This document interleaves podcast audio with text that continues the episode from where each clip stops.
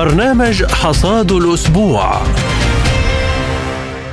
أهلا بكم مستمعينا الكرام في حلقة جديدة من برنامج حصاد الأسبوع. سأكون معكم على مدار ساعة. أنا محمد جمعة. وفي حلقة اليوم روسيا تدعو لعقد لقاء بين الفصائل الفلسطينية لإنهاء الانقسام. الكرملين يكشف هدف إعلان واشنطن عن تهديد روسي خطير لأمنها القومي.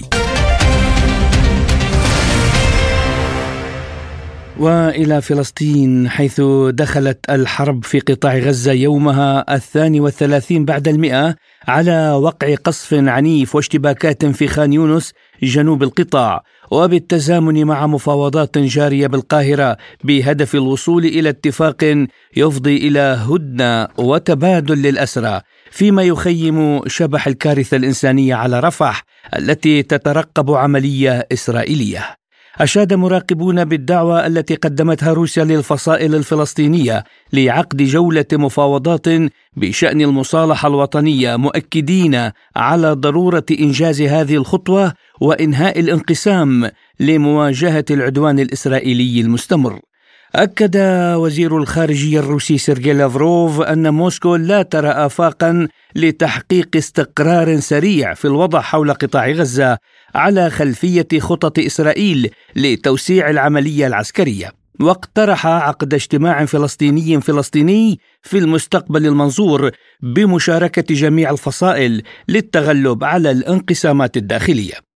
للحديث أكثر عن هذا الموضوع ينضم إلينا الخبير في الشأن الفلسطيني الأستاذ ياسر أبو الهين أهلا بك أستاذ ياسر في حصاد الأسبوع. وأبدأ معك من توقف كندا عن إصدار تصاريح تصدير الأسلحة إلى إسرائيل. أستاذ هل يمكننا القول أنه حتى القوى الغربية الكبرى قد بدأت تشعر بخيبة أمل تدريجيا تجاه إسرائيل؟ يعني هي تشعر بخيبة الأمل وربما بدأت تشعر بشيء من من العار وتأنيب الضمير إن صح التعبير. وإن كان متأخرا كثيرا نتيجة ما تقوم به إسرائيل من حرب إبادة جماعية. وللأسف حرب الإبادة الجماعية التي تقوم بها إسرائيل في قطاع غزة وتستهدف الحجر والشجر والأخضر واليابس وأهلكت أكثر من مئة ألف الفلسطينيين بين شهيد وجريح وأسير ودمرت قطاع غزة وأعادته إلى سنوات من من ال إلى الوراء. هذه كلها كانت تتم على عين على عين العالم وجزء من هذا العالم كان متواطئ بالدعم بتوفير الدعم السياسي والمالي والعسكري لاسرائيل اولا وثانيا بعدم التحرك على الأقل لإدانة إسرائيل في المحافل الدولية أو إسناد أي جهد لإدانة إسرائيل في المحافل الدولية كما حدث في محكمة لاهاي ودعوى جنوب أفريقيا بذلك. أعتقد أن قرار كندا وإن كان جاء متاخرا كثيرا كثيرا كثيرا كثيرا بعد أن دمرت غزة وأبيد شعبها لكنه يصب في اتجاه تجريم إسرائيل وملاحقتها وإيجاد نوع من من المعاقبة وإن كانت بشكل يعني متأخر أو بشكل جزئي اتجاه ما تقوم به من جرائم هي بالأساس حرب إبادة جماعية أو جرائم إبادة جماعية ترتكبها في قطاع غزة. مصر تسعى لإقناع إسرائيل بضرورة التهدئة في غزة خلال شهر رمضان المبارك. ما هو احتمال أن توافق تل أبيب على تعليق العمليات العسكرية خلال شهر رمضان؟ يعني هذا مرهون بالدور الكبير الذي تمثله مصر وتضغط به آه، أو باتجاهه باعتبارها الوسيط الأساسي هي وقطر آه، في كل المفاوضات والمحادثات واتفاقات التهدئة الحالية بين المقاومة الفلسطينية وحركه حماس والاحتلال الإسرائيلي. ومصر سابقا كان لها دور كبير في أن توصلت إلى اتفاقات وصفقات آه، ضخمة بين الاحتلال الإسرائيلي والمقاومة. هذا مرهون يعني يعود لطبيعة الدور الكبير والثقل الكبير الذي تحتله مصر في في المنطقة.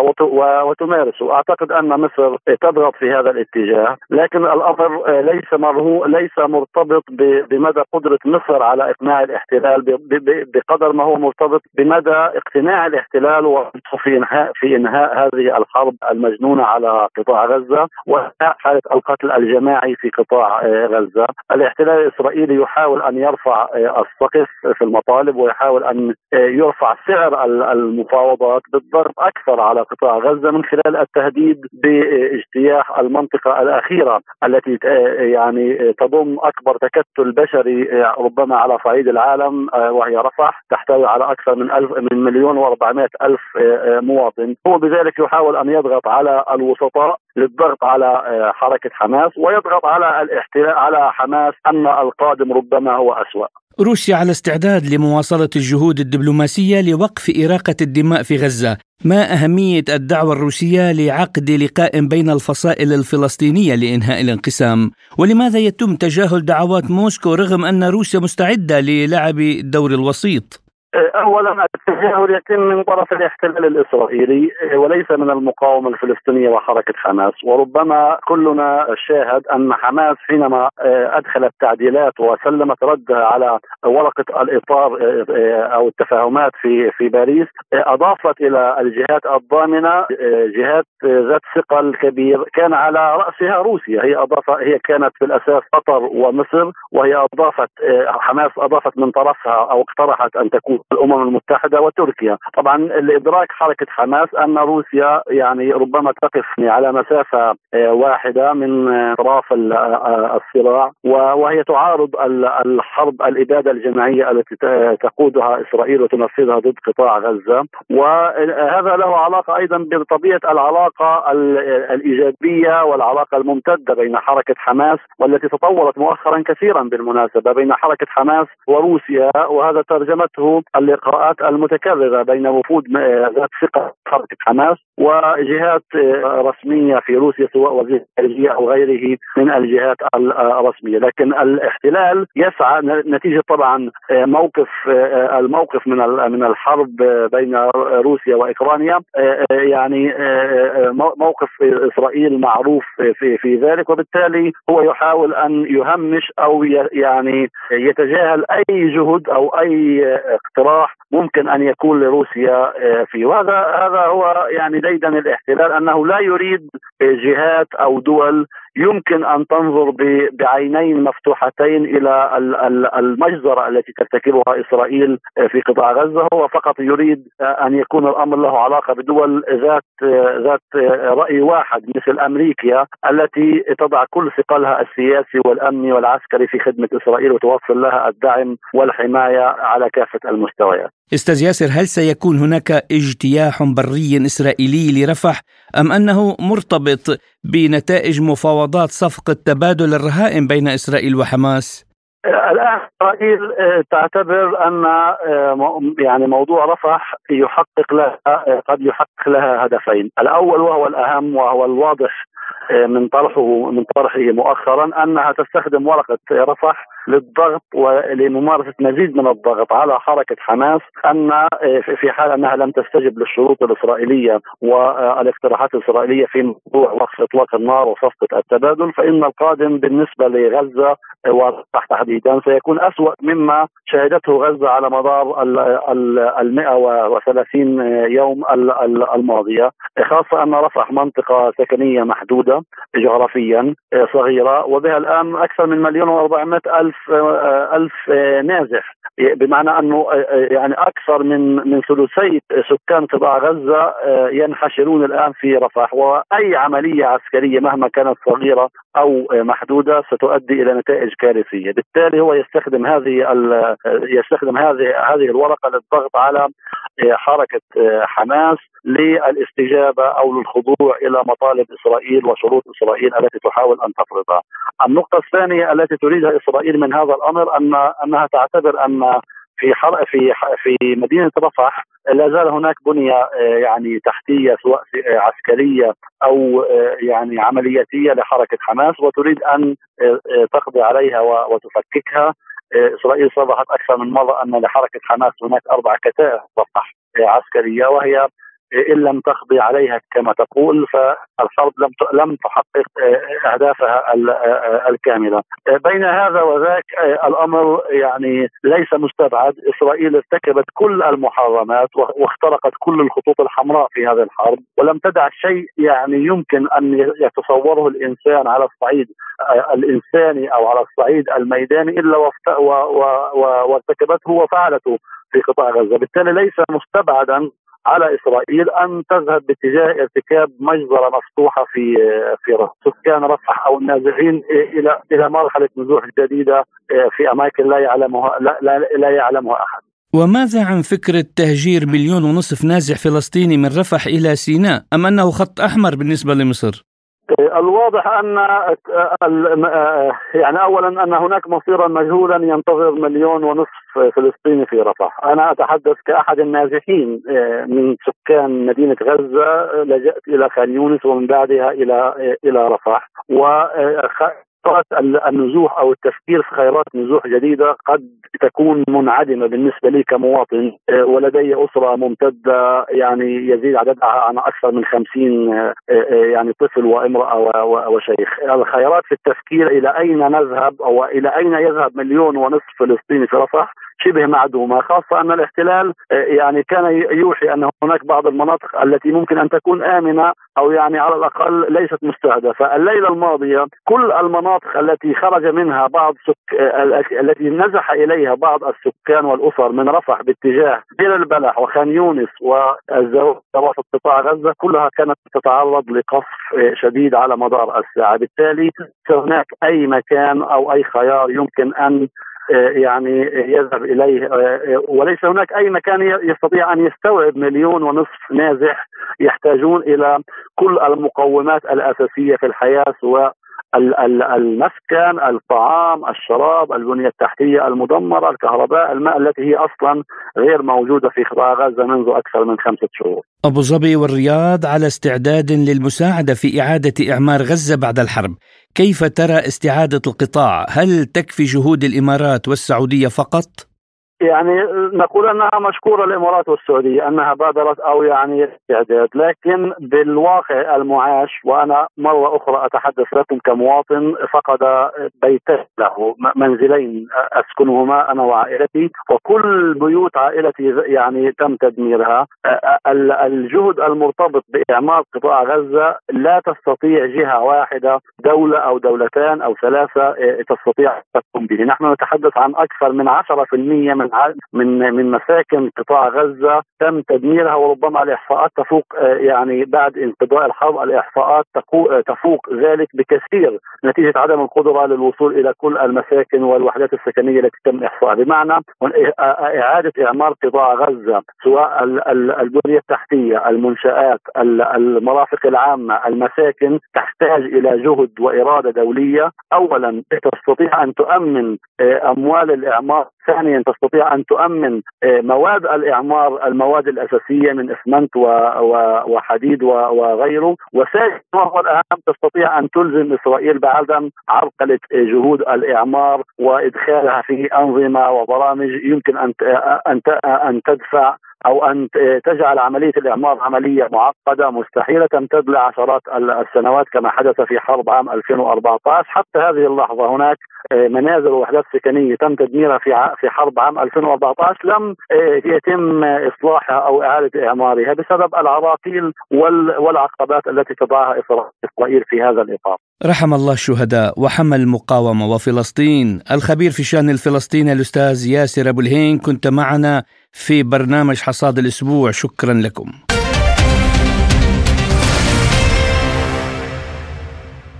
وفي سياق متصل أكد الرئيس المصري عبد الفتاح السيسي ونظيره التركي رجب طيب أردوغان ضرورة التنسيق لوقف إطلاق النار وإدخال المساعدات إلى غزة. وشدد الرئيسان خلال مؤتمر صحفي مشترك عقب مباحثاتهما في القاهرة على حل الدولتين. للحديث أيضا عن انعكاسات زيارة الرئيس التركي رجب طيب أردوغان إلى القاهرة على الوضع في فلسطين. ينضم إلينا من أنقرة الكاتب والباحث في الشأن التركي الدكتور محمود علوش.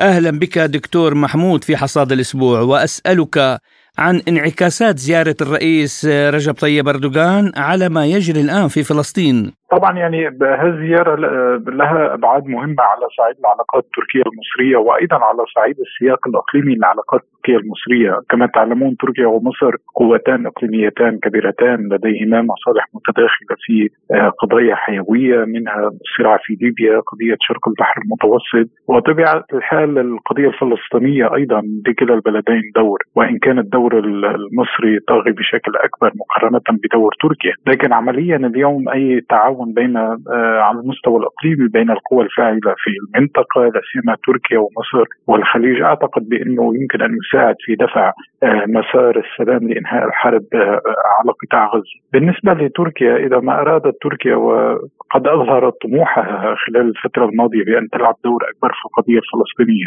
لكن إذا ما أرادت بتركيا أن يكون لها دور آه، أكبر في القضية الفلسطينية سيتعين عليها بطبيعة الحال التنسيق والتعاون مع مصر بشكل أكبر لأن مصر هي بوابة لأي دور تركي متزايد في القضية الفلسطينية، لكن اليوم هناك أرضية مشتركة تجمع تركيا ومصر فيما يتعلق بالقضية الفلسطينية وهي آه، إنهاء العدوان الإسرائيلي على قطاع غزة ودفع أو تحويل مرحلة ما بعد نهاية الحرب إلى فرصة لإطلاق عملية سلام جدية بين الفلسطينيين والإسرائيليين تؤدي إلى حل الدولتين، وأعتقد بانه كلا الطرفين التركي والمصري يوليان أهمية كبيرة للتعاون بينهما والتنسيق بينهما بشأن المواقف فيما يتعلق بالحرب على قطاع غزة وهذا ما شاهدناه في المؤتمر الصحفي للرئيسين يوم امس. دكتور محمود يعني إسرائيل التي لا تستمع لأحد في العالم هل ستستمع لتركيا خصوصا خلال هذه الزيارة التي تستفز إسرائيل بشكل أو بآخر؟ دعنا نكون واقعيين نعم أنا أوافق التقدير بأنه اليوم إسرائيل آه، يعني لا تبدو آه، متأثرة بشكل كبير بالموقف الإقليمي.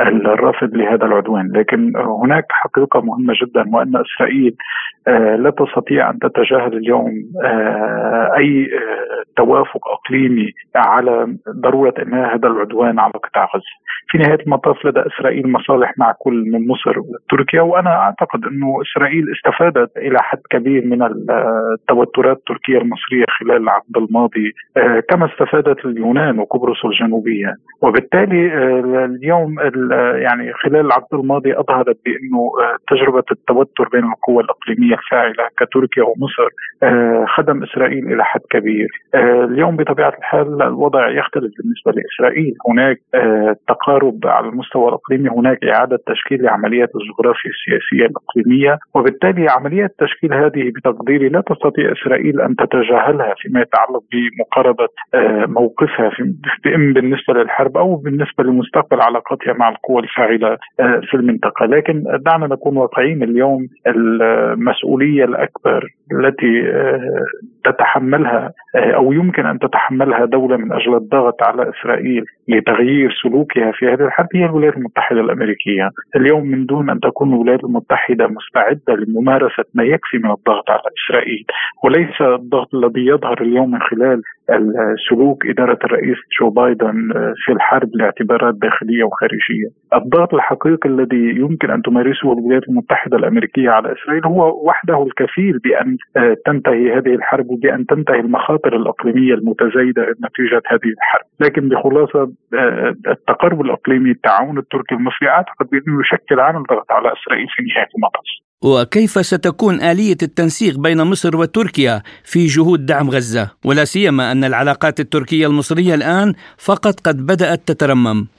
يعني هو في الحقيقة أنا أعتقد أنه هناك إشكالية كبيرة فيما يتعلق بالموقف الإقليمي من الحرب الإسرائيلية على قطاع غزة وهي أن هامش التأثير للقوى الإقليمية الفاعلة يبرز بشكل أساسي في تصورات أو في مرحلة ما بعد نهاية الحرب. بمعنى أنه اليوم دول المنطقة جميع دول المنطقة تشترط أي دور مستقبلي لها في غزة في مرحلة ما بعد الحرب بإنهاء هذه الحرب. هناك رغبة لتركيا بأن يكون لها دور في عملية إعادة الأعمار على وجه الخصوص بالتأكيد لا يمكن لتركيا أن تلعب دور في هذا المجال من دون أن يكون هناك أيضا يعني تعاون مع مصر آه، فيما يتعلق بمسألة غزة على وجه الخصوص، لكن كما تفضلت حضرتك وهي مسألة حقيقة مهمة، اليوم نرى جانب آه، يعني أساسي من النقاش يتمحور حول مستقبل غزة في مرحلة ما بعد الحرب، لكن الأولوية يجب أن تكون لإنهاء هذه الحرب، آه، وكي نصل إلى المرحلة التي تنتهي فيها هذه الحرب، سيتعين على القوى الإقليمية وأيضا القوى الدولية لا سيما الولايات المتحدة الأمريكية.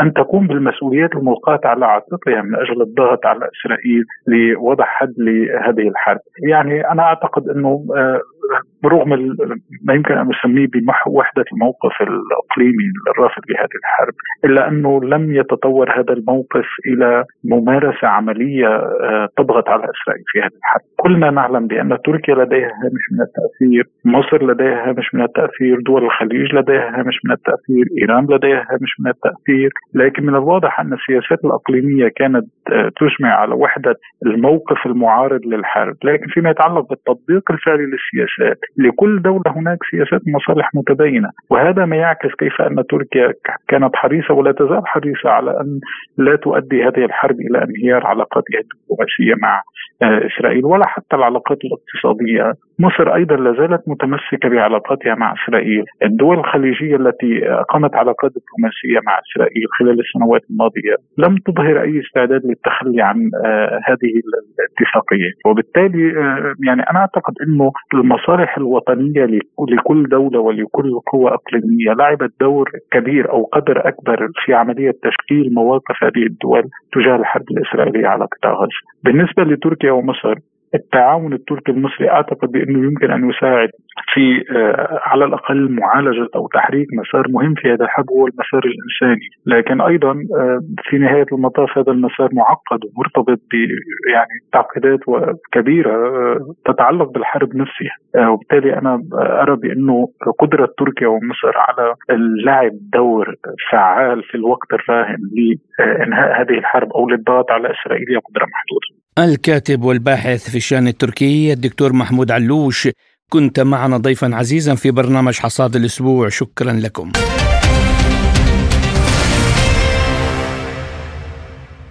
ونبقى في سياق الحرب على غزة وفلسطين ولكن في الجانب الإنساني لنلقي الضوء على معاناة العصر لأطفال فلسطينيين ينامون داخل أقفاص مخصصة للدجاج نتيجة امتلاء الأماكن بالنازحين في رفح. فمع استمرار نزوح الفلسطينيين من سكان قطاع غزة نحو الجنوب بسبب القصف الإسرائيلي العنيف تكتظ مدينة رفح بالفلسطينيين حتى أن النازحين الجدد يقفون على حافة الطريق يتأملون الشارع لا يعلمون إلى أين يتجهون وسط خيارات أحلاها مروا ومن بين تلك الخيارات كانت أقفاص الدجاج التي كانت ملاذ خمس عائلات لجأوا إليها. عائلة حنون التي كانت تعيش في حي الشيخ رضوان في مدينة غزة وهي منطقة تعرضت لقصف عسكري عنيف من قبل الجيش الإسرائيلي ما اضطرت العائلة للنزوح إلى أكثر من مكان إلى أن وصلت لمدينة رفح. جنوبا. حول هذا قال أكرم حنون لوكالة سبوتنيك. لما طلعنا من مكان الزواج جينا هذا ما لقناش مكان غيره. وهي السبب اللي خلانا نجي هذا. رغم إنه سيء إلا إنه إحنا عائله كبيرة فحوانا المكان. غير مريح اطلاقا يعني. إيه، لعدة أسباب. السبب الأول لأنه مكان مخصص آه، للدواجن.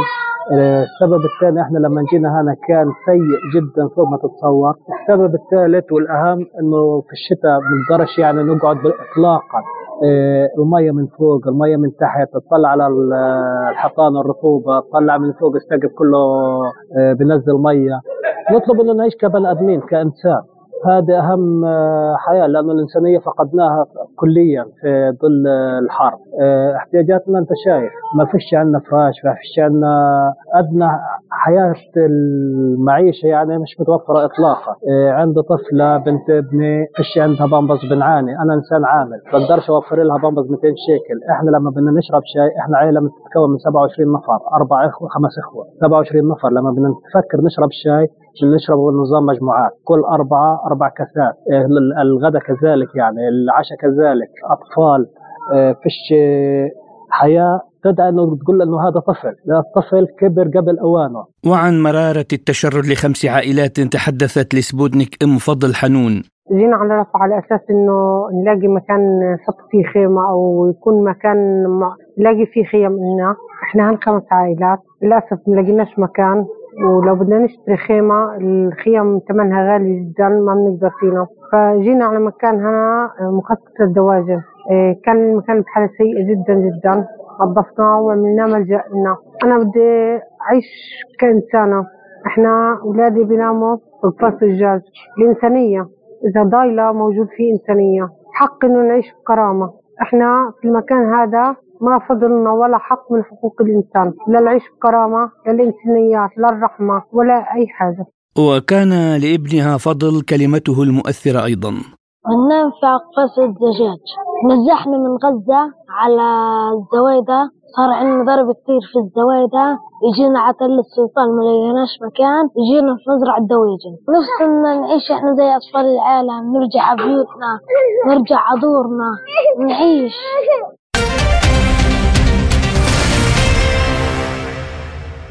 وإلى أوكرانيا. علق الكرملين اليوم على التقارير التي نشرت في أمريكا عن وجود ما وصف بالتهديد الخطير للأمن القومي الأمريكي مؤكدا أن هذه المزاعم مجرد حيلة لا أكثر.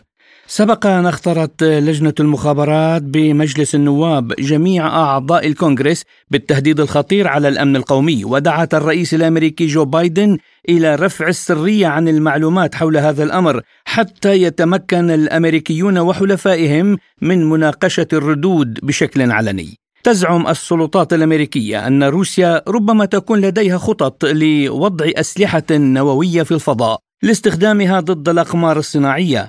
حول هذا الموضوع تحدث لسبوتنيك عضو مجلس العلاقات بين الأعراق التابع للرئاسة الروسية بوغدان بيزبالكا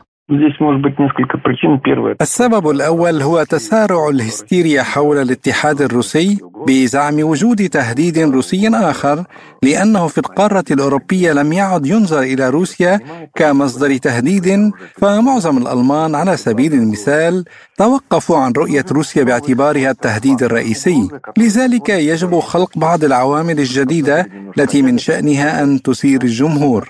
لقد نسوا العنصر النووي وبدأوا الآن في تسريعه مرة أخرى. ثانيا تلاعب في مجال الفضاء الخارجي ممكن. على سبيل المثال إنشاء أنظمة أسلحة جديدة في الولايات المتحدة أو استخدام الأنظمة الموجودة واختبارها. وقد يتطلب ذلك استثمارات مالية جديدة أي أن هذه قد تكون محاولة للحصول على تمويل لسباق تسلح جديد وعسكرة الفضاء القريب. ومن حيث المبدأ فإن كلا العاملين لا يستبعد أحدهما الآخر. وفي مقابلة للرئيس الروسي فلاديمير بوتين مع الصحفي الروسي بافل زاروبين أعلن أن حلف الناتو هو أداة للسياسة الخارجية للولايات المتحدة.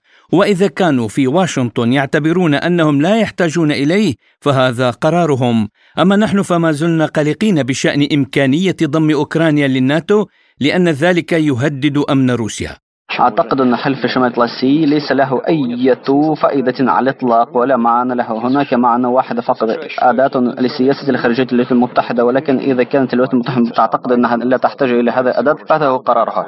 لقد كنا وما زلنا نشعر بالقلق إذا تورط أوكرانيا في حلف شمال الأطلسي لأن ذلك يهدد أمننا. هذا ما ذكرته. لكن الدافع المباشر كان الرفض الكامل للسلطات الأوكرانية اليوم لتنفيذ اتفاقيات مينسك والهجمات المتواصلة التي أسفرت عن سقوط العديد من الضحايا في جمهوريتي لوغانسك ودانيسك الشعبيتين. نحن لم نبدأ الحرب بل نحاول إيقافها. فقط في المرحلة الأولى حاولنا القيام بذلك من خلال الوسائل السلبية أي اتفاقيات مينسك.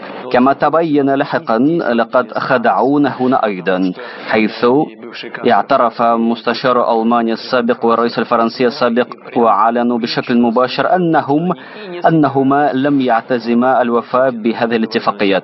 لكنهما كانوا ببساطة يكسبان الوقت لتزويد النظام الأوكراني بأسلحة نظافية وفعلا ذلك بنجاح. الشيء الوحيد الذي يمكن أن نأسف عليه هو أننا لم نبدأ عملنا النشطة في وقت سابق. معتقدين أننا نتعامل مع أشخاص مهذبين.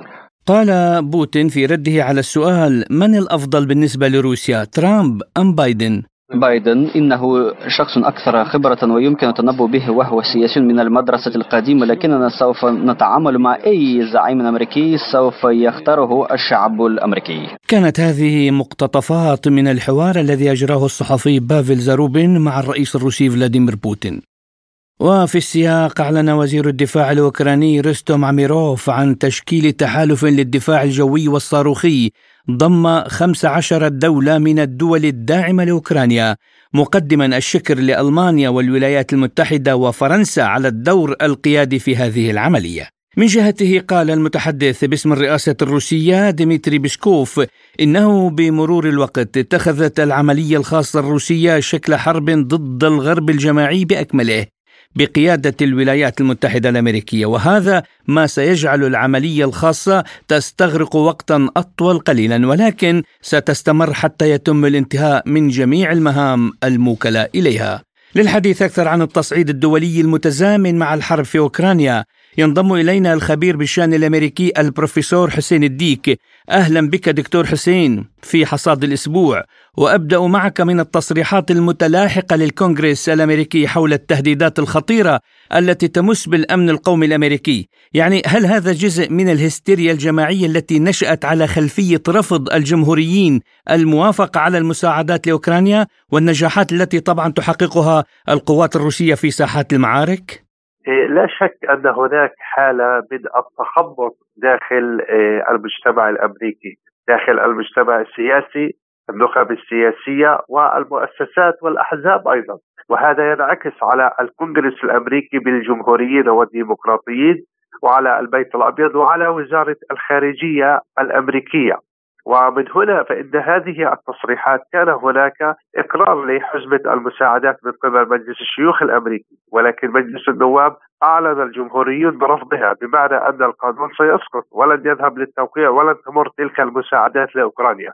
هناك قناعة لدى قادة الحزب الجمهوري والقاعدة الانتخابية بأن الأموال والمليارات التي يدفعها آه، الشعب الأمريكي ودافع الضرائب الأمريكي يجب أن تستخدم وتستثمر لمصلحة المواطن الأمريكي أو تحقيق التنمية الدولية وليس لاستمرار الحروب والنزاعات ودعم أوكرانيا كما هو موجود حاليا.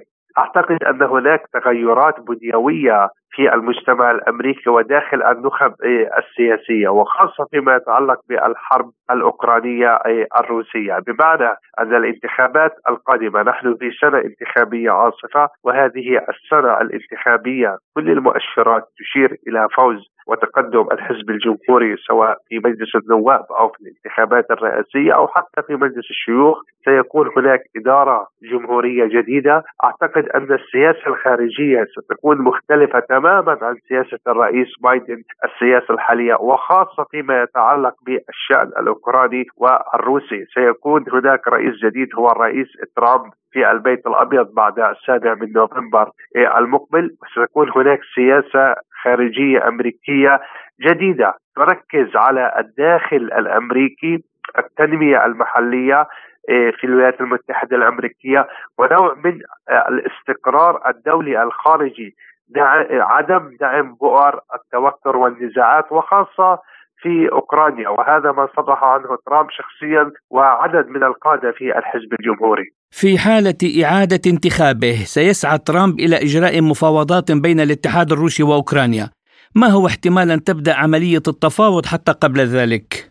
إيه، كان هناك العديد من المحاولات بعد الهزائم الكبيرة التي تكبدها الجيش الأوكراني في المعارك في الفترة الأخيرة. ولكن يبدو أن الأمور الأوروبية والأمريكية ما زالت غير ناضجة للوصول إلى اتفاق سلام وبدء مفاوضات سلام قبل مجيء الرئيس الأمريكي القادم أو قبل الانتخابات الأمريكية. هذا من جانب. من جانب آخر إدارة بايدن غير قادرة أو غير مستعدة لفتح مفاوضات سلام جديدة بين الأوكرانيين والروس في هذه الفترة خاصة هناك سباق انتخابي وعمليات انتخابات لأن هي منذ اندلاع هذه الأزمة وهي تقدم المليارات لأوكرانيا وللجيش الأوكراني، اليوم تأتي لتقول مرحلة السلام فلماذا منذ البداية دعمنا أوكرانيا وقدمنا تلك المساعدات العسكرية على حساب دافع الضرائب الأمريكي الأمريكي؟ تعتقد أن مرحلة المفاوضات وبداية السلام ستنطلق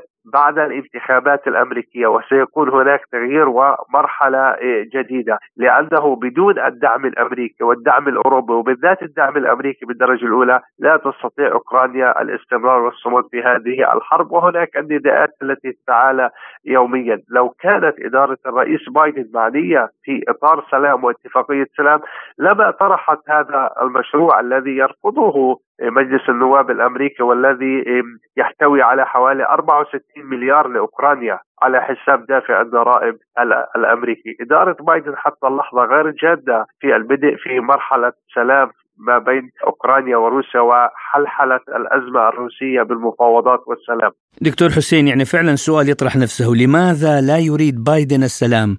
مع العلم أن السيناتور الجمهوري الأمريكي لينسي جراهام الذي أيد لفترة طويلة تخصيص المساعدات لكييف ويتمسك بموقف مناهض لروسيا هو نفسه غير موقفه وصوت ضد تخصيص حزمة مساعدات بقيمة 60 مليار دولار لأوكرانيا فلماذا بايدن لا يريد السلام؟ هناك تحول كما ذكرت في النخب السياسية الأمريكية سواء كانت جمهورية أو غيرها وبالذات جمهورية والقاعدة الانتخابية أيضا. ولكن هناك تشبث وتمسك من قبل بايدن شخصيا والجناح التقليدي في الحزب الديمقراطي. لا أقول الحزب الديمقراطي كله ولكن القوى التقليدية المؤسسة العميقة القديمة في الحزب الديمقراطي تصر على تقديم المساعدات العسكرية بالمليارات لأوكرانيا من أجل استمرار هذه آه، الحرب.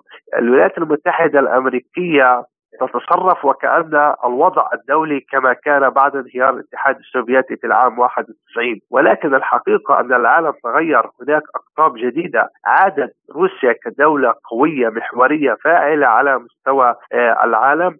وظهر نظام متعدد الأقطاب، أما نظام أحاد القطبية فقد انتهى، اليوم روسيا هي دولة عالمية لها مصالحها ولها دورها ولها دور مؤثر سواء على صعيد مجلس الأمن الدولي والأمم المتحدة ومؤسساتها ومنظماتها أو على الصعيد الصعيد الإقليمي سواء في الشرق الأوسط أو في جنوب شرق آسيا أو في أفريقيا أو في أمريكا اللاتينية أيضا، هذا ما لا يرضي إدارة بايدن تريد أن يبقى الوضع كما كان بعد انهيار الاتحاد السوفيتي وتبقى الولايات المتحدة الأمريكية متمترسة على ميدان السياسة العالمي كأنها الأقوى والشرط الدولي. هذا العهد انتهى والحقائق على الأرض تفرض ذلك والواقع يفرض ذلك. لذلك هي تصر على آه، استمرار هذه الحرب في أوكرانيا وتقديم المليارات للأوكرانيين من أجل آه، محاولة آه، استنفاذ القوة الروسية أو إضعافها، ولكن رغم كل ذلك لا زالت روسيا في وضعها القوي والمتقدم سواء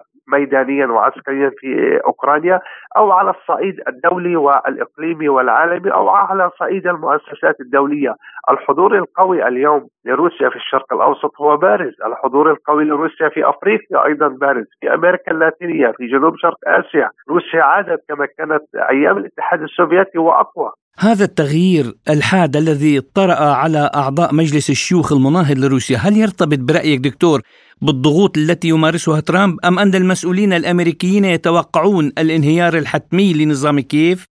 هناك بعض التقارير التي لا يتحدث عنها الإعلام الأمريكي، والإعلام الأمريكي هو إعلام موجه يخضع لسيطرة الدولة العميقة ومؤسسات الدولة العميقة في واشنطن خاصة في الولايات الكبيرة نيويورك وكاليفورنيا وإلينوي وفلوريدا وغيرها، وما كانت العاصفة الأخيرة التي نظمها الصحفي الأمريكي تاكر كارلسون مع الرئيس فلاديمير بوتين كان لها أصداؤها كبيرة وكان أحد هذه الأصداء المليارات من المتابعين لهذه المقابلة على تطبيق تويتر وغيرها من وسائل التواصل الاجتماعي. استطاعت الدبلوماسية الرقمية الشعبية في أمريكا أن تخترق هذا الحاجز وتصل إلى كل المواطنين الأمريكيين وأصبح هناك قناعة قوية لدى هذه النخب سواء جمهورية أو جزء من الديمقراطيين أن آه، الدعم العسكري والمالي من الولايات المتحدة الأمريكية لأوكرانيا هو دعم عبثي لأنه في نهاية المطاف سيكون هناك هزيمة للجيش الأوكراني ولن يستطيع الصمود أمام الجيش الروسي الرئيس الفرنسي إيمانويل ماكرون يعد بتزويد أوروبا بقدرات فرنسا النووية ألا يعني هذا أن كل الدول الأوروبية بما في ذلك بولندا ودول البلطيق سيكون بإمكانها حيازة السلاح النووي لاحقا؟ فيما يتعلق بتصريحات ماكرون الخلاف الأمريكي الأوروبي وخروج بريطانيا وتمثيلها كتلة مقاربة مع الولايات المتحدة الأمريكية أعاد الكثير من الحسابات السياسية والداخلية لدى القارة الأوروبية ولدى دول الاتحاد الأوروبي. وتصريح الرئيس الفرنسي ماكرون يأتي في هذا الاتجاه. ولكن أعتقد أنه من المستبعد أن يكون هناك دول نووية في أوروبا الشرقية على حدود روسيا وهذا أسباب كثيرة، أعتقد أن المرحلة القادمة ستكون مرحلة من الاستقرار والسلام بين شطري القارة الأوروبية الاتحاد الأوروبي وروسيا والدول التي تدور في فلكها والولايات المتحدة الأمريكية، لأن اليوم العالم غير قادر على تحمل أزمات كبيرة جدا، اليوم نرى الأزمة الأوكرانية وتبعاتها، نرى الأزمة في الشرق الأوسط، العدوان الصهيوني على قطاع غزة وما نتج عنه العالم غير قادر على فتح جبهات جديدة أو آه، الدخول في حروب، من يمول هذه الحروب؟ لا يوجد جهة تريد أن تمول، حتى الولايات المتحدة الأمريكية نرى ما يحصل، حتى الدول العربية الخليجية لا تمول، أعتقد أن الأمور ذاهبة إلى مرحلة من الاستقرار في بداية العام القادم. أوكرانيا تعلن عن تشكيل تحالف للدفاع الجوي والصاروخي يضم 15 دولة، هل ستضيف روسيا إلى العملية العسكرية هدفا آخر يتمثل بمحاربة الغرب الجماعي بأكمله طبعا بقيادة الولايات المتحدة الأمريكية. قوة الردع الروسية أعتقد أنها قادرة على محاربة الغرب الجماعي ولكن آه، يأتي أعتقد أن هذا يأتي من باب التكتيكات السياسية والتصعيد الإعلامي ولكن على أرض الواقع لا تستطيع أي دولة أوروبية الدخول في حرب مع روسيا في هذه الفترة في هذا الاستنزاف ما تعانيه القارة الأوروبية في هذه آه، اللحظة واستنزفت الحرب الأوكرانية كل الموارد المالية والعسكرية آه، الأوروبية إضافة إلى الولايات المتحدة الأمريكية. نعم يوجد هناك تصعيد ولكن على أرض الواقع إيه، تنفيذ هذا عمليا بمجابهة عسكرية. أعتقد أنه من الصعب لأنه ستكون هناك بوادر الهزيمة والانكسار لهذه الدول القوية لما تمتلكه روسيا من ترسانة نووية وعسكرية قوية جدا؟ الخبير بالشأن الأمريكي البروفيسور حسين الديك كنت معنا ضيفا عزيزا في برنامج حصاد الأسبوع. شكرا جزيلا لكم.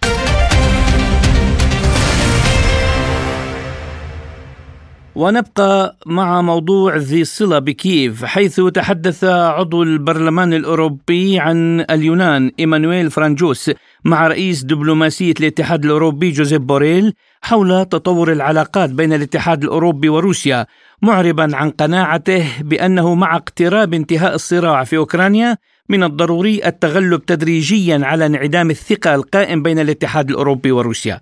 حتى تتمكن القارة الأوروبية من استعادة وحدتها وأمنها.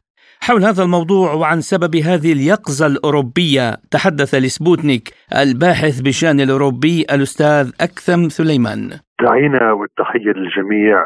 نعطي الأمر أبعاده الحقيقية. من جهة هذه الأصوات موجودة لم تخمد في أوروبا الحقيقة لكن المشكلة أنها أصوات منفردة أنها أصوات تأتي غالبا من دول أصغر هنغاريا الآن نائب من اليونان قوى يسارية أقصى يسار أو غير ذلك أحيانا قوى يمين لكنها لا تمثل منتصف المساحة. يعني البرلمان الأوروبي له أيادي غير مباركة فيما يتعلق بالعلاقات آه، مع روسيا. لكن نعم معك حق في أمر أن هذه الأصوات تزداد شيئا فشيئا، تزداد ليس لازدياد الوعي وإنما تزداد لاتضاح الصورة أن الأمر لا يمكن حله بالطريقة التي يمارسها الأوروبي والأمريكي حاليا. بالضغط بالعقوبات بالتهديد بتوريد الأسلحة بكل هذا يصعب حل الإشكال مع موسكو وبالتالي تبدأ الأصوات من هذا النوع بالارتفاع ربما شيئا فشيئا وبالتكاثر شيئا فشيئا. شعبيا بالمناسبة هذه الأصوات أوسع من حجمها في البرلمانات الوطنية أو البرلمان الأوروبي إنما حتى الآن يتم إسكاتها من خلال التركيز على أن روسيا طامعة في دول أخرى وعلى أمور أخرى كثيرة، السلطات التنفيذية ما زالت تتحدث عن عقود من الصراع مع روسيا.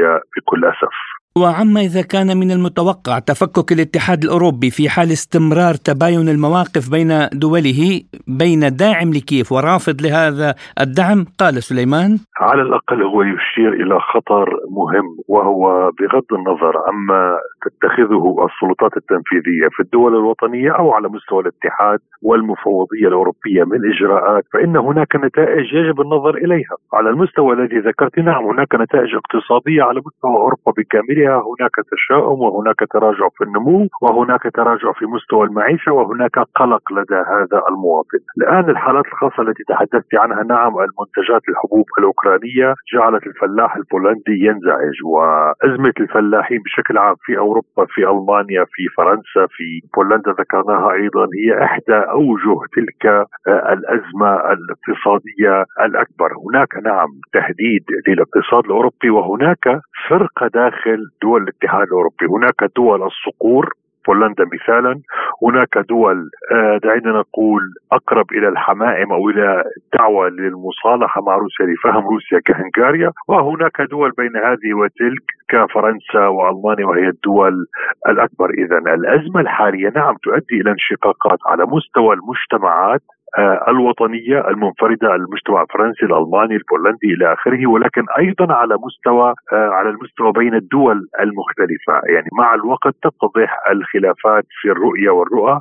خصوصا مرة أخرى مع غياب النتائج. لو كان هناك ثمة نتائج حقيقية على الأرض لكان هناك إمكانية للفريق فريق الصقور أن يقول ها نحن قد حصلنا كل هذا من خلال التشتت فلماذا تحتجون أو لماذا لا تقفون معنا في الصف للدول الأخرى كهنغاريا؟ لكن أمام عدم تحقيق أي شيء تبدأ التساؤلات. تعرفين النجاح له ألف أب لكن الفشل دائما هو يبحث عن أب يتبناها. وعن إمكانية استئناف العلاقات مع روسيا في ظل الظروف الاقتصادية التي يمر بها الاتحاد والضغوط الغربية. قال سليمان إذا كنا صريحين الاتحاد الأوروبي على مستوى العلاقة مع روسيا هو ضحية للسياسة الأمريكية وبالتالي التغير على المستوى الأوروبي تجاه موسكو سيأتي من واشنطن. يعني عندما تتحرك واشنطن على خط مفاوضات على خط حل على خط مختلف ربما في عهد الإدارة القادمة وقتها سيلجأ الأوروبي إلى فكرة أنها هي الإدارة الأمريكية. قد تحركت وقد وجدنا حلا مناسبا ويتحرك بدوره. خذي مثال أفغانستان. عندما كانت الولايات المتحدة الأمريكية تريد الحرب وإنزال القوات وغير ذلك نزلت القوات الأوروبية وشاركت بصيغ مختلفة في هذه الحرب منذ العام 2001 وعندما قررت الولايات المتحدة الأمريكية بعد ذلك بعشرين عاما الانسحاب أيضا الأوروبيون جميعهم انسحبوا مع الولايات المتحدة الأمريكية. يجب أن لا تكون لدينا أوهام حول استقلالية الاتحاد الأوروبي بالعكس الاتحاد الأوروبي بشكله الحالي أقرب إلى أن يكون مجال للسيطرة للولايات المتحدة الأمريكية من وضع الدول الوطنية المنفردة والمختلفة. لذلك التغير سيأتي من واشنطن غالبا أو لن يأتي على الأقل على المدى المنظور أبدا. وعن إمكانية تخفيف العقوبات مع وجود أصوات سياسية وشعبية رافضة لاستمرار هذه السياسة العدائية ضد روسيا أضاف سليمان يقول لا أعتقد ذلك. يعني هذه القوى التي تخرج الآن بأصوات مختلفة لا تأثير حقيقي لها على السلطات التنفيذية الحالية أي الحكومات أي المفوضية الأوروبية لأن هذه الحكومات وهذه المفوضية الأوروبية لم تكن جاهلة بالنتائج وإنما هي ارتضت لنفسها. أن تدخل في هذه المواجهة بهذه النتائج. يعني يدفع المواطن السبب لا تدفع أورسولا فون دير لاين التكاليف والثمن لا تدفع الحكومات وأعضاء الحكومات الثمن. الذي يدفع الثمن هو الشعوب وتعرفين الشعوب يعني همومها ليست بالضرورة همومة حكوماتها هذه نقطة.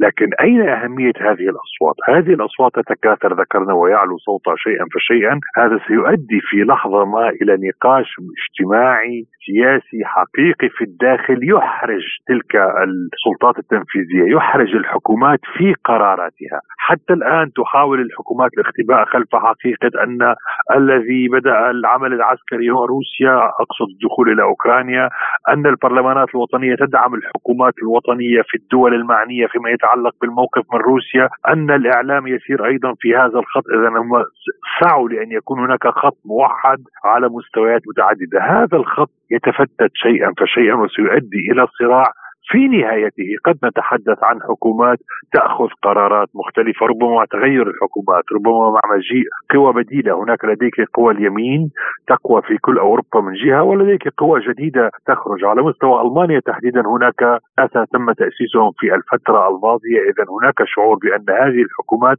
لم تعد تمثل كل هذه الشعوب وبالتالي بدأ حراك سيكون له نتائج وستكون له نتائج بعيدة المدى إنما ليس بشكل حزب ينشأ جديد أو تحرك برلماني فتخضع الحكومة التنفيذية. لا ننسى المثال المشهور كان 80% من الشعب البريطاني ضد حرب العراق وشاركت الحكومة البريطانية في حرب العراق مغطاة بالبرلمان البريطاني.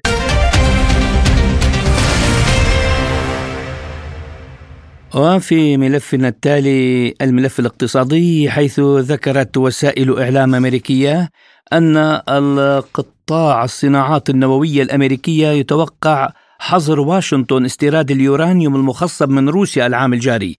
جاءت هذه التوقعات عقب تصويت الحزبين الجمهوري والديمقراطي في مجلس النواب الأمريكي لصالح هذا الإجراء في ديسمبر الماضي. قال بوريس شوخت المدير التنفيذي لشركة يورينكو الأوروبية أكبر مورد لليورانيوم المخصب لمحطات الطاقة الأمريكية. إن الشركة لديها القدرة الكافية لتغطية الواردات الروسية من اليورانيوم في حال صدور قرار حظر الاستيراد. حول هذا الموضوع وعن تأثير هذا الحظر الأمريكي على روسيا وعلى الدول التي تعتمد على اليورانيوم الروسي تحدث لسبوتنيك المحلل الاقتصادي والباحث في شؤون الطاقة الدكتور أحمد صدام. تأثير هذه الخطوة يكمن إذا لو طبق فعلا يعني هناك قرار كما يعلم الجميع من قبل الحزبين الديمقراطي والجمهوري تم التوقيع عليه في سبتمبر الماضي وهذا القرار يقضي بحظر أو التخفيف من استيراد اليورانيوم المخصب الروسي. ولكن مع ذلك هناك مرونة في هذا القرار إنه حينما لم يكون هذا ما أشار إليه المشروع القانون حينما لا يوجد بديل من حق وزير الطاقة الأمريكي الاستمرار في استيراد آه، اليورانيوم الروسي. ولكن مع ذلك لو افترضنا تطبيق هذا القرار فعليا هذا أكيد سوف يؤثر على آه، الإيرادات المتحصلة لقطاع اليورانيوم الروسي وتحديدا شركة روس اتوم يعني ممكن هذا أن يحقق خسارة بحدود 4 مليار آه، دولار سنويا. وأيضا ممكن أن ينعكس التأثير في روسيا على لأنه بحكم أنه هذه الإيرادات من اليورانيوم توظف في تمويل الترسانة النووية آه، الروسية. وأعتقد هذا ممكن أن يشكل تأثير كبير. وعما إذا كانت الولايات المتحدة جادة بهذه الخطوة وهي سجلت أرقاما قياسية في مشترياتها لليورانيوم الروسي عام 2023 قال صدام. عمليا لا أعتقد أن القرار سوف يطبق وحسب تصوري أنه هذا ممكن آه، مشروع القانون هو بحد ذاته يشكل ورقة ضغط ولكن من الناحية العملية لا يمكن تطبيقه لسبب بسيط بحكم آه، رخص آه، النووي الروسي واليورانيوم الروسي عفوا وبالتالي آه، هناك حتى المفاعلات وهناك جوانب فنية على سبيل المثال هناك اعتماد كبير في دول أوروبا بحدود 40% آه، وفي الولايات المتحدة بحدود 20% اعتماد كامل على اليورانيوم الروسي. وهناك أيضا ما يقارب 18 مفاعل أو 18 مفاعل نووي روسي موجود في آه، دول أوروبا.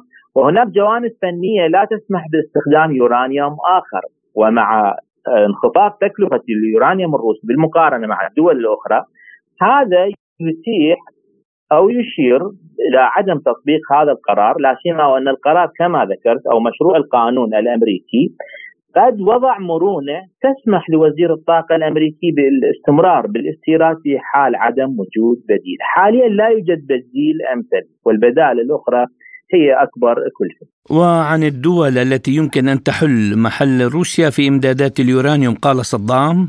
آه، أعتقد هناك تحالف من عدد من الدول وهذا ما حصل في اليابان في العام الماضي. هناك اتفاق ما بين بريطانيا والولايات المتحدة وكندا واليابان وفرنسا. هناك خمسة دول. ولكن ضمن المدى القصير هذا لا يمكن أن يتحقق على أرض الواقع. هم اتفقوا على السعي في التخفيف من استيراد اليورانيوم آه، الروسي. والسعي إلى عقد تحالفات في سبيل يعني تخصيب اليورانيوم والحلول محل اليورانيوم الروسي. ولكن كل ذلك يستلزم وقت ويستلزم جوانب فنية في المفاعلات النووية الموجودة في الدول التي تستهلك اليورانيوم الروسي. وبالتالي أعتقد على المدى المتوسط لا يمكن أن تكون هناك بدائل مثلى لليورانيوم آه، الروسي هذه كما ذكرت مرة أخرى ممكن أن تشكل يعني نقاط تحالفات استراتيجية على المدى آه، الطويل ولكن ضمن المدى المتوسط والمدى القصير لا أعتقد هناك بديل آه، أمثل.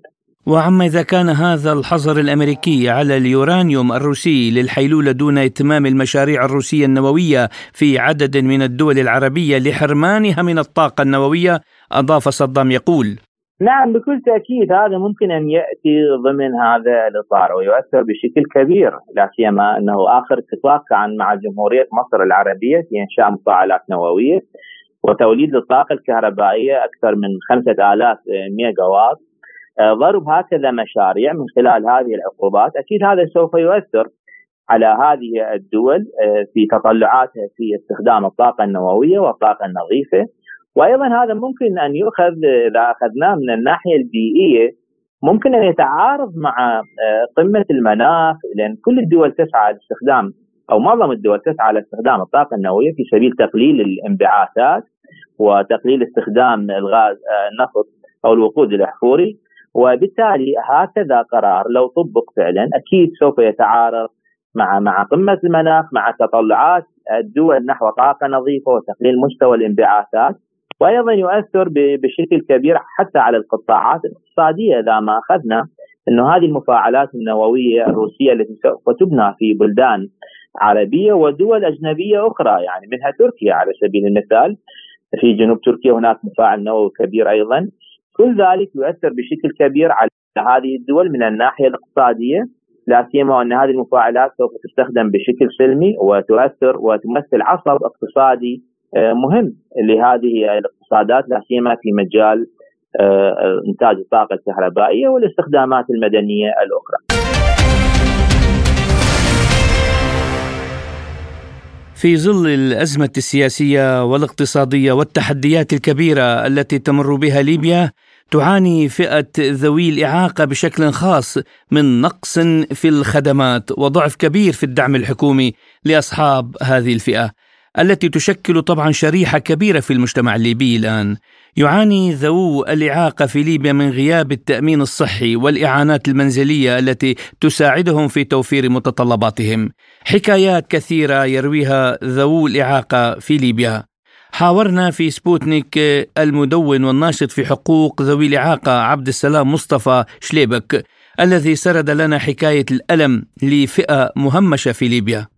تدوين حقيقي كان بداية 2000 2009 يعني كمدونة وقبل كان في 2008 لكن في 2009 بديت بشكل آه عندي مقالات تمشي تلقى من 2009 مدون آه تدوينات. وأول موقع انصمم في 2004 موقع إلكتروني. موقع خاص سميته جنكور ماي هوم. طبعا في 2008 انضميت إلى اللجنه البارالمبيه الليبية والاولمبياد الخاص الليبي كمصمم مواقع إلكترونية لجهتين هما وأيضا مدير التواصل الاجتماعي. آه للمواقع لجهتين هما البارالمبيه الليبية وأيضا الأولمبياد الخاص يعني. هتتخيل يعني قلت لهم صفحة الفيسبوك وتويتر من 2009 يعني. أنا مؤسس أنا اللي وبديت نخدم في عمل حكومي مع الهيئة العامة لصندوق تضامن اجتماعي فرصة عمل الحمد لله. حتى هو أسست لهم وأيضا مشرف على الموقع الإلكتروني بتاع الهيئة العامة لصندوق تضامن اجتماعي موفرين اللابتوب موفرين الإنترنت كنت نخدم من حوش وأونلاين لأن اعاقتي شوية صعبه شوية ما ما تلاقيناش لكن 2010 طبعا كلها خدمة بارالمبي يعني قاعد استمر استمر كل سكيلز يعني كل مهارات. في 2017 غادرت ليبيا إلى بريطانيا. ولا حتى الآن مستقر فيها هي فرصة كانت عن طريق البارالمبية الليبية وعندي أقارب هناك قعدت يعني استقريت نوعا ما قلت لاني أنا مولي إن شاء الله العام هذا واللي بعده بإذن الله يعني حنكون ما بين ليبيا وبريطانيا بإذن الله. والاعاقه طبعا أنا يمكن حسن حظ إن عائلة هي اللي أكثر شيء يعني دعمتني في هذا الشيء. لو مش من عائلة يعني ما أظنش. وصلوا أيضا حتى جيران هذا دير بالك يعني محيطه بنا التكنولوجيا مهمة جدا لذوي الإعاقة أشوف دليل عندك أو قدامك. فيقدر من خلال التكنولوجيا أو التقنية المعينة يقدر مهما كانت حركته يقدر يساهم في المجتمع في بناء المجتمع. هذه بالنسبة لي أنا الدولة نوعا ما ما يمكن أنني فرضت روحي في للدولة يعني نكون صريح معك. لو ما عنديش سكيلز أو ما أو المهارات هذه ما أظنش حد يدورني يعني نكون صريح. لأن في زيني من قاعدين في حياتهم يعني يقدروش كيف كيف يتواصلوا مع الناس ما هي فرصة تحت لي بس لأن هي فرصة هذه موضوع خاص ما نقدرش نعمم لأن كلها لأن أنا عشت يعني ليبيا غادي يعني بنية تحتية متهالكة بشكل كبير. وفي موضوع مهم جدا يعني اللي هو المسؤول في الدولة. مسؤول الدولة ماهوش واعي بحقوق الأشخاص الاعاقه يعني للأسف شديد. فحتى بعد الحرب وبعد الحروب اللي صارت ونتشجع على الحرب وش ما للأسف شديد يعني من جهتين هو ما نبيش نقول في موضوع سياسي هو فهناك ضحايا الحرب يبدو بدا عنده إعاقة دائما تبقى هذا بعد ما دير له هل وفرت له إعاشة بعدين من ناحية نفسية من اندماج المجتمع كل هذا؟ مستمعينا الأفاضل إلى هنا تنتهي حلقة اليوم من حصاد الأسبوع. كنت معكم أنا محمد جمعة شكرا لإصغائكم.